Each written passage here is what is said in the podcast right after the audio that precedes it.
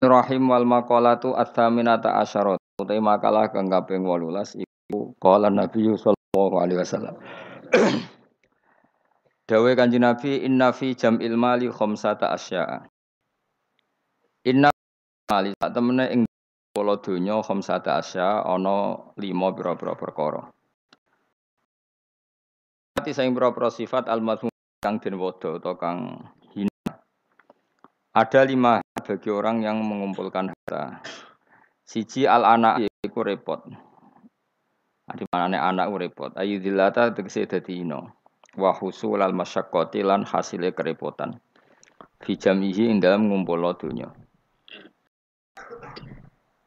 Wa syughla lan dadi sibuk sibuk tersibukkan ang zikrillah Allah taala bi islahi kelawan namen nata dunya. Ilmani tegese nata dunya. Wal khaufa lan sibuk wedi min salibihi saking wong sing iso mbredel donyane. Ay akhidihi tegese ngalap donyane bil qahri klan muksa bil ikhtilasi ta klan nyolong. Wasarikihi lan jaga takut mergo kuatir sangka sing nyolong donya. Akhidihi tegese sing ngalap mal khufyatan klan samar. Khufya te khufya sami. Wahtima lasmil bakhili lan nanggung nama medit li nafsi maring awak dhewe wong. Di wong ngumpul donya terus gak tau sedekah kudu siap dicap napa? Medit. Wa mufaraqata solihina lan kudu siap pisah mbek wong soleh-soleh min ajlihi krana arah donya. Eh min ajli khidmatil mali tegese sanging arah ngidmai donya. Wa fi tafriqihi. Eh wa inna fi tafriqihi lan sak temne ing dalem bagi-bagi donya. Ail mali tegese bagi donya bi ijraihi kelan nglakokno mal dilakokno ala sabilil khairi ing atase dalan keapian. Wa inna fi tafriqi khamsata asya'a no lima pira-pira perkara minas sifati sing pira-pira sifat al mahmudati kang den puji. Siji rohatan nafsi iku tenangi jiwa, ail badani tegese tengane badan. Minta abi tolabi saking repote golek donya, ilmani tegese golek donya. Wong nak ngumpul donya kemudian niate dibagi ning keapian niku uripe tenang. Wal faragha lan apa fokus li zikrillah krana Ayat tabatul tegese fokus. Tabatul mana ing kita ing kita fokus ila zikrillah maring eling Allah taala. Kata tengene Quran wa tabattal ilaihi tabatilan mana fokus eling Allah. Wal ing kita ilan terputus sangka liyane Allah. Min hifdihi terputus sangka amen ngurusi dunya jadi dia fokus eling Allah dia terputus hubungan nembek dunya maksudnya terputus ora kakean mikir dunya wal amnalan aman ay adamal khaufi tegese ora wedi min salibi saking wong sing bredel dunyane wasare kilan sing nyolong dunyane wa tesari ku ala khidu sing alap min makhruzin saking barang sing dijogo bi khafidin kelan pengreksa sing reksa au bi makan untuk ing dalam tempat bila syubhatin kan tanpa syubhah kelan tanpa status syubhat. Syubhat itu sing remang-remang. Tiswa basmil kailan untuk nama ulya utawa lomo li nafsi maring awake wong. Wa musahabata sholihin lan ngancani wong saleh li firaqi krana misah dunya. Dimaksude wong nak bagi-bagi dunya iku untuk status lomo berstatus gampang ngancani wong soleh li firaqi krana dene ora terikat mek dunya. Maksudnya firaq iku dunya kancanan wong soleh Kala dawuh sapa ba'dul fusaha sebagiane wong sing ahli sastra. Juga judur rajuli utawi lomane wong lanang. Iku yuhab bibu. Iku iso nyenengno apa lomane wong lanang hu ing rajulila adati maring musuh-musuh rajul. Dadi wong musuhe akeh lah nak lomo, bahkan nglomani musuhe mesti dadekno disenengi. Wabuhluhu utawi medhite rajul. Wabuhluhu te medhite rajul yubuhiduhu iku iso gedhe apa buhluhu ing rajul. Auladi maring anak-anake rajul. Dadi wong nak medhit anake apa gedeng. Nah, ning tanggane diservis mbek wong tuane. Gak diservis. Akhire luwih seneng apa? tanggane. Nyileh sepeda motor wae bapake ora oleh, malah akhirnya nyileh kancane. Akhirnya ra utang jasa mbek bapake, utang jasa mbek wong tuane. Kalau nanti cerita elek banget, orang terima elek elek banget. Ada orang soleh, menawa rada goblok, mestinya ya goblok. Wong soleh itu saking fanatik anak, didik anak ora oleh numpak sepeda motor, oleh nyetel TV. Sehingga cerita wong soleh itu tuwek Sepuh-sepuh meh mati nu sowan kula, mbek nangis. Anak iku ilang katut tentangeran ning di pokoke irang. Gara-gara iku Pertama cai ku iso numpak sepeda motor ya disilai kancane, roh rasane ndelok TV ya disilai tanggane. Akhirnya nyuwun sewu tonggo iki lala rapati salat, rapati salat ngejak anak wong saleh iki merantau ning Jakarta. Akhirnya lam yusolli, ah katut ra salat. Ku nangis. Nangis itu siji nangisi anak, eh nomor loro nangisi tobat.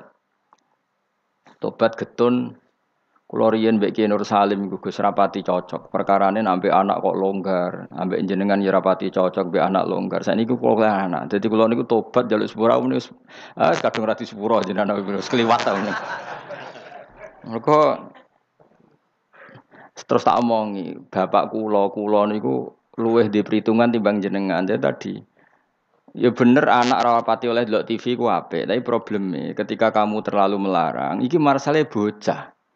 Bocah ketika terlalu dilarang ndelok ning tonggo. Ya nak ndelok ning tonggo tok ora masalah, tapi ngerasa utang jasane. Sing dadi masalah kan ngerasa utang. Nah, ketika ngerasa utang jasa, artinya kan keinginan tonggo iki luwih dituruti tinimbang bapak. Ya nak tanggane soleh, nak ora. Utawa nak terus nyimpul ngene, ternyata kelakuane wong salat sing ra salat apa sing ra salat apa sing ra salat iku lomo. Sing salat medhe nak nganti kesimpulane ngono piye? Oh parah kan, ternyata perilaku wong ora salat luwih apik timbang sing salat. Fa inna hadal musolli sing salat iki bakhil, sing ra salat. Lho, mulane aku nak ono kiai medhit ku kiai aneh. Wis medhit, narjet, nak pengajian yuk bayaran aneh meneh malah wis super aneh malah. Mareni ngono utek-utek niku mareni. Jadi nak soleh iku sing menisan, ya soleh, ya lomo, minimal iku ikhlas. Nak ra iso lomo ikhlas. Jadi fair. Wong liya ya ora Arab Arab, kowe ora kena di Arab Arab wong fakir, paham ya? Tapi ikhlas. Niku yang paling saya khawatirkan.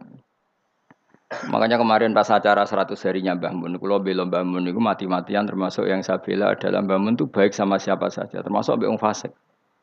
Karena tadi kalau orang fasik itu utang jasa mbek wong soleh, setidaknya kepengen niru wong soleh. Tapi nak wong fasik hanya punya utang jasa mbek wong fasik, dia akan selalu terikat sama orang fasik. Misalnya ketemu konjone fasek disangoni, ketemu konjone fasek ditraktir. Pas ketemu wong soleh di sini sih. Akhirnya wong soleh dendam, ambil wong fasek tertarik kan. Makanya saya punya hadis untuk makalah itu. Rasul akli badal iman billah at-tawaddud ilan nas ul ma'ruf ila kulli barin wafa jirin. Jadi setelah akal mengantar kita iman billah, akal harus kita gunakan untuk supaya kita berperilaku sim patik dan berbuat baik kepada siapa saja ila kulibarin baik pada orang baik maupun orang fajir orang lajut. Logikanya tadi, misalnya Zaid itu fajir, ketemu tambahannya fajir di traktir, di keimangan, ketemu soleh di sini sih. Dia nggak mungkin tertanam simpatik sama orang soleh karena kenangannya bu buruk. Sementara sama orang fasik dia tertarik karena kenangannya ba baik. Kayak apa buruknya kita kalau ngandapi semua? Mengenai saat wong soleh soleh itu ya apian kabeh. Bapak mbak sopo gak apik. Mun gak. Kita tahu dulu Gus Dur mbak sopo ya sewante ya. Karena tadi ada filosofinya. Seperti itu itu ada ilmunya. Tapi ya wong sing ilmune iku mok duke wong apik, wong elek dikan apiki kurang penggawean ya wis ilmune lagi dok kono ya apik wae pancen ngajine lagi dok kono. Kapan-kapan diulang meneh. ditambahi ilmu ya paham tapi mau cerita kira usah tersinggung mergo ilmu ya tok kono lah ya iku tak naikno kelas maksudnya iku Nangis, nangis anak hilang mergo lam yusolli walam yasum. Kedua ngerasa dosa mbek bapak, terutama mbek bapak karena dia orang sepuh. Ya Nur Salim anak tujuh. Saya itu masih ingat betul. Zaman Romusum wong di TV ini kiai pertama di TV nak sarang Mbah Mun nak naruhan bapak. Mbah Mun ada TV ya ora kadang lawangnya dibuka. Tamu ya ora nak Mbah Mun TV. Pas iku kiai delok TV ku JF. Mbah Mun santai. Lawangnya dibuka delok TV. Dulu ya kiai do iskal cuma wong alim biasa lah dorawani kan biasa kan sing melanggar wong alim kan dorawani. Ya gremeng ya akhirnya ini gremeng. Biasa long soleh kan tukang gremeng biasa. Tapi orang itu akhirnya sadar karena tadi dia gak diperhitungkan. Ini bocah, bocah itu ya selawase bocah. Ketika dikekang delok TV ini wong tua ini malah delok ning tonggo. Yang parah adalah dia merasa utang jasa ya mbak tonggo. Pertama numpak sepeda motor ya disilai temannya. Akhirnya koncone itu wayahe umur kerja-kerja katut. Karena di rumahnya dia kaya neraka, ora tau tiga duit sebelah ikon ngaji. Eh servisnya kurang kok. Perintahnya bah banyak. Wong tentara wis digaji. Satpamnya digaji. Jadi kan kon ngaji terus tanpa gaji. Lan kula ambek anakku semua yang pun. Lo anak kula kula terus digugah biasa nganti saat ini. Memang itu ajaran saya. Istri saya itu kan keluarga kiri itu dulu eskal. Zaman Bihaji Alid Hasan itu anggar bete juk kalau turulah digugah. Memang saya perintahkan. Dulu ya eskal istri saya tapi tak terang no. Orang paling harus terganggu oleh anaknya itu orang tuanya. Nah aku rada digugah terus jaluk mbak-mbak kangkang sakit mbak-mbak kangkang. Orang harus terganggu oleh anaknya itu orang tuanya. Kalau sudah kiri kan adatnya kan nggak sopan seperti ini. Saya bilang sopan itu kebutuhan setelah ilmu menurut ilmu adalah anak yang harus diganggu anak itu orang tuanya itu menurut ilmu. Sopan kok sih, bakas kok sih. Nomor loro telu. Aturan ilmu ditegakkan dulu. Bahwa jadi korban anak harus orang tuanya. Ketika anak ingin uang harus orang tuanya yang jadi korban. Jangan orang itu ilmu. Yang kedua kalau kita baru bicara etika. Nah iso jaluk pas tangi masalah ini bocah. Lah nak nuruti etika aku jodoh aku yo pas aku seneng pas apian. Akhirnya bujuku nurut, karena bujuku ya keluarga kiai suka ilmu. Saya gede-gede ge mari mbak, Anggris gede-gede ge isin mbak mari nopo. Piyambak. Tapi kan jelas bocah iki utang jasane mbek tua. Bahkan saya sudah gede mikir, bapak iku apik tenan turu tak gawe gak tersinggung. Lho kalau biasa 10 menit turu tiga anak kalau jam mlaku-mlaku iki kula mlaku-mlaku. Berapa kali saya ngaji terlambat? 10 menit, 5 menit gara-gara anak kula, kula nembe dugi lunga, biar jam mlaku-mlaku tak turu. Karena jangan sampai kita ini misalnya demi ngaji anakku nggak melaku melaku rata turuti. Akhirnya anak saya itu dendam sama ngaji. Gara-gara ngaji aku nggak dijak melaku bapak. Akhirnya nganggap ngaji ku problem. Akhirnya roh rohin itu problem jadi oh bapak demi keriting ya kan roh Mustafa demi jenggot ya kan itu kan panjang akhirnya roh rai rai trauma kan nah, itu kan nggak bagus tapi nak tetap melaku melaku nggak wes pas melaku melaku tetap ngaji. Anak itu punya kesimpulan, ternyata saya masih nomor satu. Keriting nomor loro. Keritingnya ya maklumi nak waras, umpamanya aku ya kan. Macanya saya itu dugaan saya, kenapa Rasulullah ketika beliau sujud, Hasan Husain ini menganggap Rasulullah tiga jaran-jaranan. Coro Jawa tiga nopo? Rasulullah ditumpahi Ibu Hasan, si masyur itu Hasan. Ya tentu Hasan Husain, tapi sing riwayat itu Hasan. Iku Rasulullah lama sekali sujud. Sampai sahabat itu karena saking dekatnya wahyu, zaman itu cara berpikir ahadasa fihi seun atau ahadasa fin nabi seun. Apa nabi ada wahyu baru sehingga sujud selama itu. Jadi sahabat belingu ya penting. Akhirnya orang sing nggak rugen-rugen ini udah enggak. Mereka sujudnya agak wajar apa? Kan Nabi kan tentu istiqomah. Biasanya orang menit ya orang menit, biasanya sak menit. Ini kok sampai lima menit semua. Akhirnya sahabat sing gak terima ndak enggak. Iki ada wahyu baru bahwa aturan sujud harus selama itu. Dua enggak. Jebule ono Hasan. Oh, iki to perkara Tapi baru kayak sahabat beling iki ono riwayate. Cara dekne ra nginceng. Jadi kadang beling ya penting. Tapi sing beling ben sahabat. Mereka tetep akeh ganjaran. Iki ora usah salat dangak-dangak ngono ora usah. Kau belingi sahabat paling ngono belingmu kebablas. Ya. Akhirnya Nabi ngendikan, tadi saya sujud, sebetulnya saya ingin standar, ingin istiqomah, tapi ada cucu saya. Terus alasannya Nabi, ben putuku ramangkel be aku. Jangan sampai kebaikan itu jadi problem bagi anak cucu kita. Coba misalnya Nabi kiai kiai nyara saiki. Tak cilik nomor itu orang sana bujut biasanya. Itu, nak ono caci cilik teko jadi karena khotibnya tersinggung, pidato orang di rumah no. dia momen jadi khotib kan ngono kok diganggu apa? Biasanya sing ngamuk khotib. Dulu pernah beberapa masjid itu kayak pengumuman anak kecil kan. Iku sing lawan kula tanah tidak kok. Ben dolanan masjid. Dolanan gerbang malah kowe sebenarnya bingung. Ngrame ya ben. Ya gak gue khotbah. Gak penting syarat rukun. Secara aku niku ora penting, penting wis. Kula Jumatan ora tau meneliti. Tapi yang saya pastikan gini ya, secara ilmu, ilmu itu muqaddam alal adam. Ilmu itu harus didahulukan alal adam. Ada hal-hal tertentu yang menang adab, tapi yang ilmu yang tidak wajib. Tapi nah ilmu fardu ain pasti menang ilmu. Jadi ya mau tadi misalnya, akhirnya anak kulo nggak biasa gugah kulo, nanti saya gak biasa. Sing terutama sing alit, nak sing gede dia isin dhewe. Karena tadi bojo kula tak omongi ngono, kena ape lunga tadi kepentingan harus gugah saya ya gugah. Yang harus diganggu seorang istri adalah suaminya. Supaya aturan main itu jel. Lho mbak dalam saya aja berani gugah saya karena tak atur mbak dalam saya yang bagian ibu tak kayak kaidah kali ibu gerah saya di rumah gugah totok omah. Jika supir kula ya wani. Karena itu kaidah. Jangan sampai misalnya ibu gerah jam setengah dua karena etika nunggu Gus Bak Wungu misalnya. Itu kan parah terus akhirnya sampai su subuh. Jadi ilmu itu harus mukaddam apa? Bahwa ibu itu segala-galanya.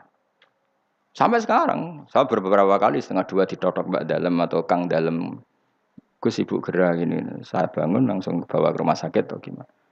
Etika itu badal ilm. Jadi ketentuan ilmu itu nomor satu. Eh, iya, gue cukup. Wong anak iki kok dulu TV itu rasa etika sebenarnya. Tapi mesti mbok pikir gak gak delok ning omah tapi delok ning tonggo. Apik diganggu wong tuane mbek ganggu tanggane. Lu ganggu tonggo misalnya, no, tapi tanggane seneng. Misalnya wong ibu-ibu kok pendelok angling darmu, anak mbok teletabis, ya kan ora sambung. Tetep ganggu. Ibu-ibu ada selera enggak misalnya? Misalnya kau pendelok sinetron, anak mendelok teletabis misalnya. Ayo, Mustafa delok film ISIS misalnya. Ya kan jenenge wong kan selerane beda-beda. Naruh kan delok bolot misalnya kan. Aku wong aku es kiai kecelok wong alim. Seneng delok TV nganti saiki ya mak lampir. Mergo ora mikir, aku pokoke seneng delok TV ora mikir. Bojoku ya eskal. Nah, cawe itu kan seneng delok film wong ayu-ayu, mergo delok penampilan iso. Nah, aku seneng delok mak lampir, angking dermo sing lucu-lucu, sing lucu sing mokal dadi karwan rata pikir ngono. Mergo aku tahu dikelui kiai, kiai delok sinetron, ana pemeran sebagai ustad. Terus ustad iku fatwa ning TV dipikir ndak tenan fatwa iku. Lah sinetron kok mbok pikir. Sing merano ustad iku Ya sing merano ustad kan kadang fatwa gitu. Lah kiai iki delok tersiksa sampai fatwa ustad iku. Lah kan ulun tersiksa Gus mbek fatwa ustad sini TV. Ustad sapa? Pemeran ustad tersiksa. Lah nama lampir kan gak mungkin dia mikir fatwane mak lampir. Tapi setan wis setruk. Kau ngenteni ngekek was-was aku coba tak tinggal delok mak lampir. Aku ngerti kok setan wae was-was aku ya ngerti. Tinggal ada mangkel deh. Pemenang setan yang gambar itu lebih ngeri. Jadi setan jangan kurang ajar tenan. Jadi orang-orang alim itu diridu. Termasuk koyo Mustafa Kabel lah, sing ngaji ning kene kabeh. Cara zaman akhir sing alim tak sebut ngalim. Jadi misalnya ke sholat itu kadang setan ngeridung ini, kue sholat ya mesti ditompo pengiran. Terus kita kadang menyesali masa lalu, menyesali masa lalu, sholatku, posoku ora mesti ditompo pengiran. Iku setan, ngeridung niku setan. Kue kudu buat lawan, ditompo ora ditompo itu kenangan terbaik saya sebagai hamba pernah sujud, pernah sholat, titik. Kayak apa buruknya kita ketemu Allah ora tahu sholat, ora tahu sujud. Wes ora ditompo lah. Lah aku malah tak lawan kadang setan. Beneran ora ditompo pek kowe ngono salat gua. Mungkin ora tau salat, pek-pek salat gua. Karena setan mau kepingin supaya orang menyesali atas kesalahan di masa lalu. Kayak apa? Lu tahu soleh kok getun. Tugale kok ngene lho contoh fisik. Aku ngrumat cah yatim secara ikhlas. Mulai cilik bareng gede kuliah dadi wong lali aku. Bareng lali aku terus aku getun ngrumat cah iku ternyata gak bales jasa. Lu kamu ngerumat dia secara ikhlas itu sudah ana ana wa kafilul yatim kahateni fil jannah. Kok malah kowe saiki dadi murahan arep-arep dibales jasa hanya karena tamak kamu anak yang kamu rumat sekarang jadi menteri misalnya. Cek goblok. Okay. Ikhlas kamu itu janjine swarga, tamak kamu itu setan. Kancanan sih seringnya ngono, kancanan pondok ikhlas melarat ikhlas bareng kancane sugih utang ra oleh. Udah asal dhisik kanca aku saiki kok medit be aku. Itu tidak perlu seperti itu. Masa lalu kita yang ikhlas itu masa lalu yang luar biasa. Nah, tapi setan kepengen batal no ikhlas di masa lalu. Makanya di ikhya itu setan saking kurang ajar. Ikhlas yang keliwat itu udah adik. Nah, zaman kue goblok kan mesti ikhlas loh. Nah, cara bangun guyonane santri mbek kiai ikhlas santri. Mereka santri ku nyucup kiai sapa ikhlas. Bareng dadi kiai pikir-pikir ini rival ini orang kan. Di asal kiai dicucup zaman santri ya ta. Bareng sudah kiai, kirival, kira pati alim gitu. Ikhlas dia ya. Kelakuan enam lah endi kan. Kamane kok pangel temen no. Ayo kelakuan enam apa endi zaman mondok biasa iki. Neng bab iku lho. Ah ya, ah, boleh iki ngomong lho. Apa zaman mondok? Dadi kiai mikir kan. Mana seru kiai politik, Mustafa wah menarik cara dia. Jadi, nah kalau ada setan seperti itu tinggal dulu mak lampir. Lu kula lah sering diridu setan. Sampai kadang kula saking ekstrim, mana ada kuwetan sing ngandani. Umpama Jibril ngandani aku, nah aku ahli neraka, iku tetep aku sujud mbek pangeran. Mergo kelazimane kawula iku ya sujud mbek pangeran. Titik. Meskipun Jibril ora ngalah ngabari ngono, iku ora ya. Cuma nggo nglawan setan harus pakai nama besar. Jadi setan itu jangan kurang ajar tenan. Jadi barang sing wis kliwat itu udah makanya disebut alladzi yuwaswisu fi sudurinas. Maka ada ulama yang sampai cara ngedikan gini. Allah itu ketika melawan santet itu hanya dengan sifatnya. Kul a'udzu birabbil falak hanya dengan sifat satu, birabbil falak. Langsung min syarri ma khalaq wa min syarri ghasikin idza waqab wa min syarri nafatsati fil Jadi untuk melawan santet Allah itu hanya menceritakan satu sifat kedikjayaannya yaitu birabbil falak. Tapi ketika Allah untuk melawan waswas itu Allah cerita tiga sifatnya. Kul birabbin nas, malikin nas, ilahin nas, min syarril waswasil khannas. Jadi sampai Allah menceritakan tiga kekuatan sifatnya untuk melawan was-was. Itu betapa seriusnya was-was. Sampai Allah untuk melawan itu menceritakan tiga sifatnya. Karena betapa bahayanya was-was. Was-was itu apa? Alladhi waswisu fi sudurinas. Jadi aku ini misalnya ngaji, Mbak Ruhin, Mustafa. Tak ada wangi ngaji ngene, perlakuan ini ngene ngene, wah, aku setan kan. Malah kita senengi terus Mustafa Bar. Senajan tahu yo ngerti arah prospek. Yo rasa nganti sok beno yo ora prospek. Kok saiki nganti sok beno ora.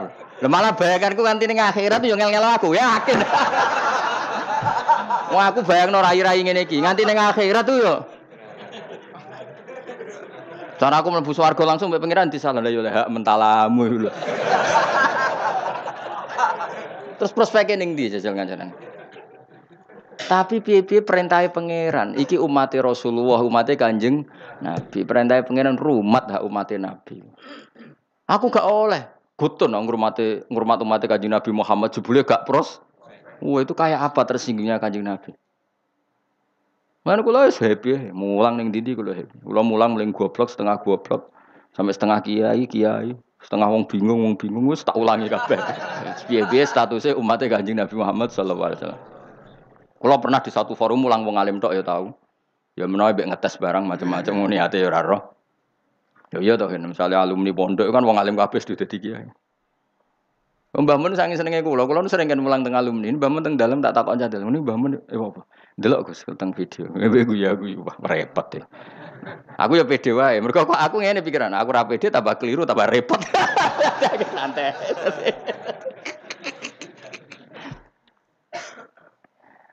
Tapi khawatir saya nanti gitu. Kowe diridu setan, mbok rewangi ngono. Cahaya temu cilike mbok rumat. Saiki sugih ya lali kowe. Iku riduane kose. Mestinya mbok jawab, itu kenangan terbaik saya tahu derek no perintah Rasulullah sallallahu alaihi wasallam kon rumat cah yatim. Lah arep-arep dibales jasa iku keinginane setan. Jadi rumat cah yatim ki nuruti perintah Rasulullah, toma iku perintah setan. Berarti setan harus kamu lawan. Iku min syaril waswasil khonna. Jadi sudah. Malah cara aku beneran, cara aku jadi wali. Menawa ya wali menawa. Pokoke cara aku nganggo pikiran wali lah berapati dihasuti wong. Cara aku nganggo pikirane wali, ngrumat Mustofa Ruhin dadi sugih lali aku, aku malah seneng. Ben ganjaranku utuh. Nak diwales dadak ka kalong. Nggih mboten cara aku nganggo pikirane wali. Senajan to ora mungkin Mustafa balas aku ya ora mungkin. Umpama umpama. Umpama ya. Ucuk-ucuk Mustafa juga di Ferrari. Oh. ya mohal mestinya, tapi iki umpama. Terus mending ngene, wah Gus, kula mau goblok jenengan pinter melarat jenengan sugih numpun Ferrari iki pek. Mosok wong jenggoten numpak Ferrari misalnya. Kan bid'ah. Mustafa maksudnya sing tak gojok Mustafa. Orang wong jenggoten liyane ora Mustafa. Tetap aku cara nganggo pikiran wali gak seneng, gak senengku kuatirku iku dadi walese ngumulangku selama ini. Tidak Mustafa atau lali numpak Ferrari ngwalor ngidul lali, aku kan malah apik. Malah apik perkarane aku ora diwales. Cuma aku ya ndonga muga-muga gelem ngaji meneh. Saiki malah Kok malah ngegang nang mall Pak Fer. Senajan itu mokal ke bayangno ora mokal. Wonge jegoten khusuk ngene terus ngono mokal gak? Tapi tetap mungkin lho pangeran. Tapi nek iso yo aja. Wis khusuk ngene kok. Aja Mas. Lho kan gelem tak dongakno, dongaku. Dongaku mandi, yakin mandi. Pokoknya aku donga sing aneh-aneh aku mandi mesti. Gelem ora, ora gelem tak dongakno saiki. Masa sampe akeh ngamini gak mandi.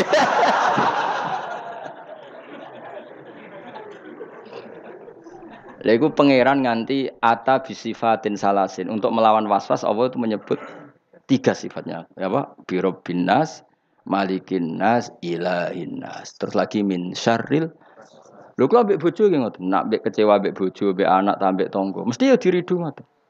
Tapi anggar kula balekno niki bojo kula. Jenengan merintahkan wa asyiruna bil ma'ruf, berarti ngapi ibu bojoku perintahin jenengan. Kadang ngamuk muring-muring itu perintah setan. Mereka ujung-ujungnya nuruti harga diri. Tapi muamalah bil ma'ruf perintah jenengan. Gusti kula dhisikno jenengan timbang perintah nafsu. Kula mbek jenengan nuruti nafsu yang ngono. Mulang ini ki prospeke Nuruti nafsu. Tapi kan kiai amatir wis bakal dadi wali. Wong kakan perhitungan ora bakal dadi wali. Tapi nak nuruti perintah pangeran. Allah nyifati Rasul sapa Rasul yaslu alaihim ayatika wa yuallimuhumul kitab. Sifat khasi Rasul mulang Quran. Nah kita itu ulama warasatul ambiya khase hubungan nak kue warasatul ambiya khase kiai be umat hubungannya mu mulang yatlu alaihim ayatika wa yuallimuhumul kitab wal hikmah. Lha ulama be umatnya kok hubungannya di manajemen. Umat sak menaki tak wajib nusiaroh selisih biro misalnya. Iku ora hubungannya ulama be umat, paham ya? Iku pedagang. Tapi ono sing ngono ya oleh ben selingan lah. Nah, kapan-kapan gelem tak jak. Jadi kalau suwon, pokoknya was-was harus dilawan. Ya, was-was itu harus termasuk wedi suul khotimah itu tuh lawan. Tak rewangi sholat ngene, tak rewangi ibadah ngene jebuli aku kok nang suul. Iku tuh lawan. Wes suul khotimah lah sementara kamu tahu sujud. Karena keinginan setan itu sebetulnya hanya supaya kamu tidak nyaman dengan ibadah. Tapi kalau ketakutan suul khotimah kamu menjadikan kamu sopan sama orang lain, menjadikan kamu tawaduk, gak apa-apa. Itu berarti sangka malah malaikat. Karena ketakutan suul khotimah berakibat takzim atau sopan kepada orang lain. Itu bagus. Berarti kan tambah tawaduk. Mesti tambah tawaduk, aku soleh lah, ya orang mesti husnul khotimah. Akhirnya tawaduk be wong liya. Itu bagus. Karena efeknya bagus. Paham ya? Tapi nak terus gak nyaman dengan ibadah kamu di masa lalu karena takut tetap suul Wah itu setan-setan namoh yakin sih. Kudu mbok lawan. Wes aku suul khotimah lah, tetap aku bangga dadi kawulane Allah. Tahu ning donya sujud, tahu ning donya maca tasbih, tahu maca selawat ning Rasulullah sallallahu alaihi wasallam. Akhirnya setan kan mikir. Tapi akhirnya nyatane suul khotimah terus gunane apa? Gunane ya aku tahu sujud mbek pangeran. Sujud kok ora roh gunane dasar setan elek. Wong ora roh gunane sujud kan. Dadi terang apa? Mesti nak ketok terang. Lho omongan ini kan wis gua blok gedeng. Wong gunane apa ke sujud nak akhirnya suul Wong kok ora gunane. Sujud itu tegaleng ngene, gunane apa aku mangan nak terus ngising kok sunah. Kok ora takok ngono? Padha-padha akhirnya le sunah lho. Terus ape ra mangan, moh aku mangan kenapa ben yo sunah. Gendeng to ora? Gak gendeng ora? Ya padha, wong tahu sujud kok getun suwe tanammu to. Ya dong ya. Awas entuk kancanan setan. Aku sepegatan suwi kok kayak akrab. Oh, aku sepegatan suwi. Aku cek akrab gitu. Kowe cek kenal Mas, setan. Setan itu seneng godho wong khusuk lho, Mas. Sing kok kan dapat digodhog. Gak menarik cara setan itu. Kan wis nyerempet-nyerempet salah deh. Wong khusuk tambah semangat. Godho khusuk ora kasil setan malah sekomen cari referensinya. Jadi kan aku pernah digodoh setan, mus. Kau tuh beli kau rugen. Kok setan sing godoh, setan TK. Mereka gak perlu naik kalau tapi nak kowe khusuk, setan itu belajar meneh. Referensi ini diwaca. Rahim wal maqalatu ats-tsaminata asyarat. Utai